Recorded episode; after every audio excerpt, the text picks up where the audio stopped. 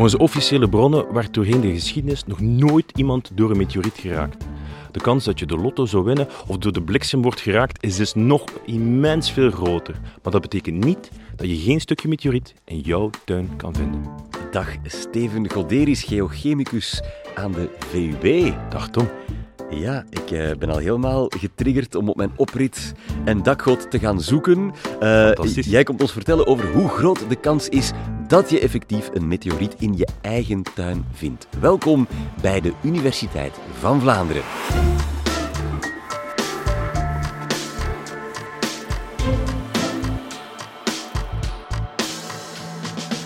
Steven, een geochemicus. Daar ben ik er nog niet veel van tegengekomen. Wat doet een geochemicus precies? Een geochemicus die gebruikt eigenlijk die chemie om de aarde te gaan bestuderen. Dat wil zeggen dat ik eigenlijk op een, op een raakvlak zit tussen twee disciplines. Enerzijds de geologie, anderzijds de chemie.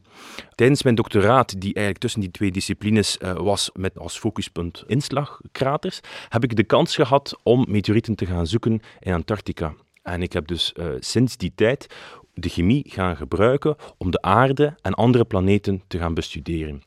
Ik ben daarbij voornamelijk geïnteresseerd in hoe die werden gevormd en hoe die zijn geëvolueerd door de tijd. Je hebt dus een tijdje op een poolbasis geleefd. Hoe was dat? Ja, dat is daar eh, best wel fris. Uh, we spreken dan over min 40 graden Celsius. Dat wil zeggen dat je meerdere lagen aan kleren moet aandoen om toch maar uh, een paar uur per dag naar buiten te kunnen. Maar dat heeft heel wat wetenschappelijke inzichten opgeleverd, dus het was het allemaal waard.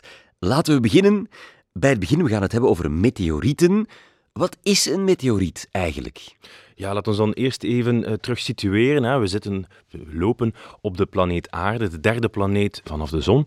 Uh, daartussen hebben we nog Mercurius, uh, Venus en samen met Mars zijn dat eigenlijk de steenplaneten. Die hebben dus een vast oppervlak.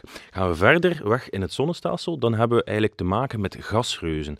Jupiter, Saturnus, Uranus en Neptunus hebben geen vast oppervlak, maar zijn voornamelijk uit gas opgebouwd. En tussen die planeten is er eigenlijk heel wat stof en ook grotere brokstukken, voornamelijk in het binnenste zonnestelsel in een asteroïdengordel die zich bevindt in een omloopbaan tussen Mars en Jupiter. En soms, heel soms, komt er materiaal vrij tijdens botsingen tussen asteroïden en dat beweegt dat in de richting van de zon. En heel soms wordt dat dan ook opgepikt door de aarde. Een meteoroïde is eigenlijk een stuk steen of ijs dat door de ruimte zweeft. Dat kan eigenlijk heel klein zijn, een stofdeeltje, maar dat kan ook heel groot zijn. Is het voldoende groot, dan spreken we over een asteroïde.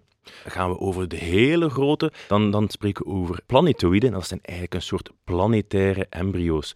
Brokstukken die samen planeten hebben gevormd. En zoals we het nu begrijpen, zijn die fragmenten overblijfselen uit de vroegste fasen van het zonnestelsel. Sommige zijn dus eigenlijk 4,6 miljard jaar onveranderd gebleven. Wanneer zo'n meteoroïde nu in de richting van de aarde wordt gestuurd en door de atmosfeer heen uh, gaat, dan treedt er eigenlijk eerst frictie op met gasmoleculen in de dampkring. En krijgen we een lichtfenomeen dat we een meteoor noemen. Blijft er een voldoende groot fragment over na opbranden door de atmosfeer, dan noemen we zo'n gesteentefragmentje een meteoriet. Het kan dus gaan over microscopisch klein stof, maar ook over hele grote objecten. De grootste meteoriet op aarde weegt zo'n 60 ton en kan je gaan bezichtigen in Namibië. Dat is de Hoba-meteoriet. Zijn die meteorieten nog groter, dan hebben ze eigenlijk geen afremming meer bij doorgang door de atmosfeer en vormen we impactkraters.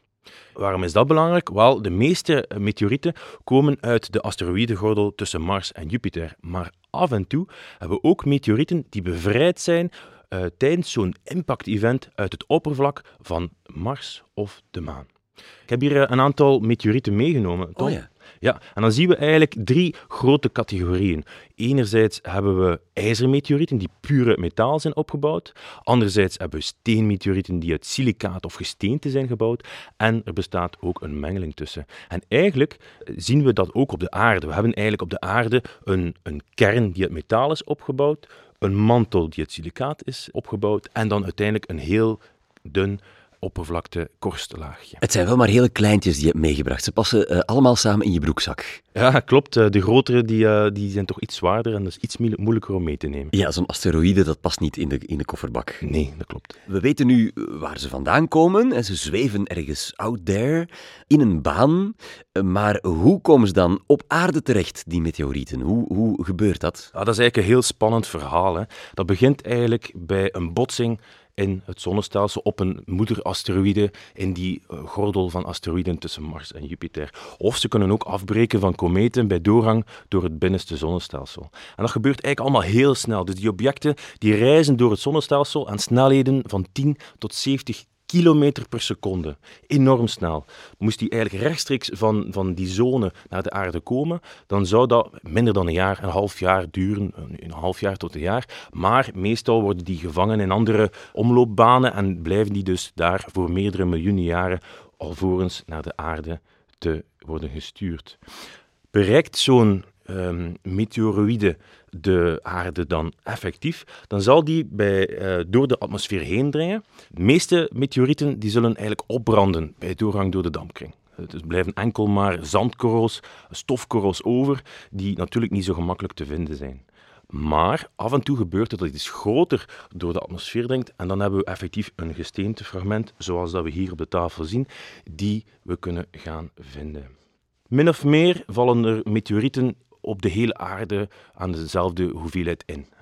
Helaas bestaat de aarde voor 70% uit uh, oceanen en zijn die voor altijd verloren. Maar af en toe gebeurt het dat die dus effectief op het aardoppervlak terechtkomen. En als dat dan in een hete of een koude woestijn is, kun je die gemakkelijk gaan herkennen ten opzichte van de, van, van de achtergrond. Je kan je voorstellen dat een zwarte steen in een woestijn gemakkelijk de aandacht neemt, terwijl dat je een zwarte steen op een, een basalt, op de Canarische eilanden bijvoorbeeld, dat die niet zo uh, bijzonder zal lijken. Hè. En het is ook zo, dus, want, in tegenstelling tot wat de meeste mensen denken, dat die meteorieten eigenlijk koud zijn wanneer dan ze gevonden worden. Uh, onmiddellijk na de doorgang door de atmosfeer, omdat de, de interplanetaire ruimte eigenlijk heel fris is. Ah, ja. Dus enkel de buitenzijde van die meteoriet wordt eigenlijk opgewarmd door die frictie met atmosferische gassen en de binnenzijde blijft koud. Iedere dag valt er zo'n 100 ton aan kosmisch stof op de aarde in. Dat is het equivalent van 20 volgeladen vrachtwagens. Hè? Gelukkig voor ons is dat meestal als microscopisch stof. Wil dat dan zeggen dat de aarde ook elke dag 100 ton zwaarder wordt? Dat klopt. De aarde wordt eigenlijk voortdurend een klein beetje zwaarder. Ja. Dat is straf. Oké, we weten dan hoe die meteorieten uh, ontstaan, hoe ze uiteindelijk uh, richting de aarde komen, hoe ze hier terechtkomen. Als je een meteoriet wil vinden, je zei net al, je kan hem in de, in de woestijn makkelijk herkennen, maar het is niet altijd zo eenvoudig. Hoe herken je dat? Want je hebt hier nu steentjes bij. Voor mij zijn dat gewoon kiezels. Ja, sommige zijn zeker niet gemakkelijk te herkennen. Hè. Wat je eerst en vooral kan zien, is dat er een grote verscheidenheid tussen die stenen uh, te, zien is. Uh, maar er zijn een aantal karakteristieken die wel, die wel gemeenschappelijk zijn. Hè. Zo zien we bijvoorbeeld dat er uh, een zwart geblakerde buitenzijde is. dat is eigenlijk een beetje een opgesmolten laag van, de, van dat steentje bij doorgang door de atmosfeer. We zien dat die vaak afgerond zijn en ze hebben een soort van duimafdrukken als gevolg van de processen in de atmosfeer. Ze zijn ook een beetje, een beetje zwaarder dan de, dan de gewone stenen. Dat is, dat is vaak zo, niet altijd zo. Maar dat is wel een, een karakteristieke eigenschap. En ze worden aangetrokken door een magneet. Wil dat ook zeggen dat je ze zo kan vinden als je nu met een sterke magneet uh, je tuin gaat afspeuren. Werkt dat? Dat zou in theorie zeker werken. Uh, maar twee zaken dat ik daar toch bij wil vermelden is, uh, eerst en vooral niet alle meteorieten worden aangetrokken door een magneet. En anderzijds ook als wetenschappers zijn we best wel geïnteresseerd in het magneetveld van een meteoriet. en als we daar met een magneet op zitten, dan gaan we dat eigenlijk een beetje vernietigen. Um, ik heb hier ook een, een, een, stukje mee. Dat is van een, een meteoriet die in, Mexico is ingevallen. Dat is Allende. En die heeft uh, een aantal kleine bolletjes aan de binnenzijde.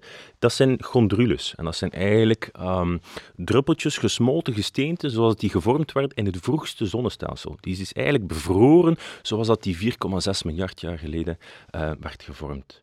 Um, en een gemakkelijke tip natuurlijk, zoals ik al zei, is om die te gaan zoeken in een hete of een koude woestijn als je daar zo'n steen vindt, heb je een grote kans dat het wel iets bijzonders kan zijn. Ja, En als je over die chondrules vertelt, dan gaan de ogen van de geochemicus al een beetje fonkelen. Eh, heb, je die, heb je die nu zelf gevonden, deze, deze meteorieten die je hebt meegebracht? Is dit je persoonlijke collectie? Uh, dus deze heb ik allemaal gekocht eigenlijk. Ehm, ik heb het uh, grote geluk gehad om een aantal keer meteorieten te kunnen vinden, maar dat was allemaal op Antarctica, niet onze achtertuin. Antarctica is eigenlijk een beetje een, een, een schatkamer, voorbehouden voor de wetenschap. Um, zoals de mensen thuis ongetwijfeld weten, hebben wij uh, een heel mooi uh, Antarctisch station, het Prinses Elisabeth station, in Oost-Antarctica, in het Surondanengebergte, dat eigenlijk heel dicht ligt uh, in de buurt van een aantal blauwe ijsvelden. Om nog even het verhaal te herhalen, meteorieten vallen eigenlijk overal op de aarde evenveel in, maar op Antarctica komen die op het ijs terecht. Dat ijs zal migreren naar de randen van het continent, maar soms komt daar iets uh, tegen, uh, een gebergteketen, een, een nunatak zoals we noemen, en wordt het ijs omhoog gedrukt. Daarbij uh, zal de wind het ijs dan gaan ableren, maar de meteorieten die worden, uh, die blijven eigenlijk achter. We hebben dus eigenlijk zones in Antarctica waar we meerdere meteorieten kunnen vinden. Je hebt ze maar voor het oprapen daar. Ja, dat is de theorie. Uh, in de praktijk is het natuurlijk iets anders. Hè. we gaan in de zomer, dat we zeggen, in de zuidelijke hemisfeer, dat tussen december en februari, dat is ook op een, een zekere hoogte, dat we zeggen 3000 meter hoogte boven de zeespiegel. het is best wel frisjes daar. we moeten helemaal ingeduffeld uh, grote oppervlakte afrijden of afwandelen. En als ik zeg frisjes, dan bedoel ik eigenlijk min 40 graden Celsius. Het grote voordeel daarvan is dat die meteorieten eigenlijk in een grote diepvries terechtkomen. Dat wil zeggen dat ze beschermd worden uh, door die koude. Ze, ze, zullen niet gaan verweren. Ze worden ook niet uh, vervuild door contaminatie van, van industrie. En er is nog een belangrijk voordeel, is dat die eigenlijk beschermd zijn door het verdrag van Antarctica, waardoor dat alles dat op Antarctica wordt gevonden voorbehouden blijft aan de wetenschap. En onze meteorieten worden dus bewaard in het Natuurhistorisch Museum in Brussel en zijn daar steeds beschikbaar voor de wetenschap. En die worden niet verkocht. Die hebben een grote wetenschappelijke waarde. Wat, wat, wat leert zo'n meteoriet ons dan? Uh, zo is het. Hè. Dus ik als, als geochemicus, en dat is maar één klein deel van de gemeenschap die daarop werkt, uh, ben heel erg geïnteresseerd in een aantal specifieke zaken. Zo wil ik graag weten hoe planeten worden gevormd, ook hoe de aarde werd gevormd, uit welke bestanddelen is die opgebouwd, waar komt het water vandaan, waar komen organische bestanddelen vandaan? En werd de aarde doorheen de tijd gebombardeerd met extraterrestrisch materiaal. Zo betekende de impact van een 10 kilometer grote asteroïde 66 miljoen jaar geleden het einde van de dinosaurussen. Dat is natuurlijk iets heel zeldzaams. Dat gebeurt maar eens in de 100 tot 500 miljoen jaar. Maar het is toch wel duidelijk dat we in een dynamisch zonnestelsel leven waarin niet alles altijd blijft zoals we het nu kennen. Maar er zijn dus naast die destructieve effecten ook een aantal positieve aspecten verbonden aan impactkraters. Zo denken we bijvoorbeeld dat de vorming van impactkraters op de vroege aarde er eigenlijk voor gezorgd hebben dat er bepaalde bestanddelen, zoals metalen en organische moleculen, aangeleverd werden die ervoor gezorgd hebben dat het leven kon ontwikkelen, diversifiëren. We kunnen natuurlijk niet allemaal naar Antarctica. Dus kom ik terug bij mijn oorspronkelijke vraag. Kan ik zo'n meteoriet vinden in mijn tuin, op mijn oprit? Kan ik er een op mijn hoofd krijgen, bijvoorbeeld? Zeker. Iedere dag valt er zo'n 100 ton aan extraterrestrisch materiaal in op de aarde. Het meeste van dat materiaal is microscopisch klein, maar af en toe zit er ook iets groter bij en dat kan best iets bijzonders zijn. Um, volgens officiële bronnen werd nog nooit iemand door een meteoriet geraakt. Hè? Dus de kans dat je zowel uh, de lotto wint als door de bliksem wordt geraakt, is een stuk groter. Maar er is zeker uitgebreid bewijs dat zowel dieren als auto's als daken door meteorieten werden geraakt. In 1954 hield een dame in Amerika een hele grote blauwe plek over aan een meteoriet die niet op haar inviel, maar die eigenlijk door het dak heen was gecrashed, op een klok was terechtgekomen en dan afgekaatst op haar. Uh, vorig jaar hebben we allemaal samen een inspanning geleverd om in Gijzegem een meteoriet te gaan zoeken, hè, tussen Dendermonde en Aalst. Helaas hebben we nooit een fragment kunnen vinden. Maar een maand later in Engeland, in uh, Winchcombe, is er een prachtige meteoriet gevonden waar er fantastisch onderzoek op gebeurt. Uh, we kunnen dus nooit nooit zeggen op de vraag of er een meteoriet op je hoofd zal vallen. Hierbij verwijs ik graag naar een event in Tunguska in 1908, waarbij een enorm grote uh, asteroïde, dus ongeveer 100, 150, 200 meter, doorheen de atmosfeer is geraakt, maar toch niet helemaal, die eigenlijk ontploft is met een kracht uh, die equivalent was aan duizend Hiroshima-atoombommen. En toen hebben we echt wel geluk gehad. Dat deed zich voor boven een bebost gebied in Siberië. Moest dat een paar uur later gebeurd zijn, was misschien een stad zoals Sint-Petersburg of Moskou helemaal vernietigd. En wat moet ik nu doen als ik er effectief eentje vind? Bijhouden, op de kast zetten thuis? Uh, ja, dan is die natuurlijk onherroepelijk verloren voor de wetenschap. Dus ik zou dan toch aanraden om op zijn minst een fragment aan de wetenschap te doneren, zodat we verder kunnen met die wetenschappelijke puzzel die we trachten op te lossen. Um, in recente jaren zijn meteorieten eigenlijk heel sterk in, in prijs gestegen. Hè. Dat is dus omdat mensen die informatie vinden over die meteorieten, wat dan ze uh, precies kunnen betekenen voor de wetenschap, maar ook soms zijn er heel esthetisch mooie objecten bij. Afhankelijk van hoe zeldzaam een meteoriet is, kan uh, 1 kilogram Mars- of maanmeteoriet tot een miljoen euro opbrengen.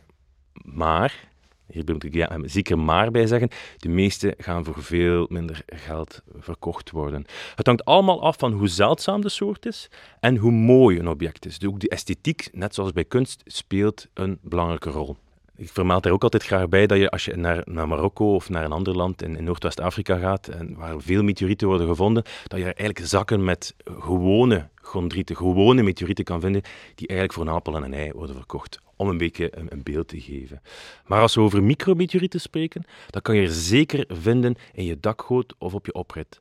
Uh, sommige van die mini-fragmentjes zijn echt wel ook iets waard, uh, voornamelijk dan voor de wetenschap. Je kan die thuis gaan afscheiden en onderzoeken uh, en daarmee doe je echt wel een bijdrage aan de wetenschap. Of je kan ook contact opnemen bij ons aan de VUB en dan gaan we nog een stapje verder, waarbij dat we trachten te achterhalen waar die fragmenten precies vandaan komen. Een miljoen per kilo, dat heb ik onthouden. Maar dat is dus niet altijd zo. Zeker niet. Als ik er eentje vind, dan stuur ik hem meteen naar jou voor de wetenschap. Dankjewel, Steven Goderichs, voor dit buitenaards interessante college. En als jij graag wil weten hoe het komt dat alles bestaat uit sterrenstof, beluister dan vooral podcast aflevering 287 met astrofysicus Connie Aarts. Heel graag tot daar of tot een volgende keer.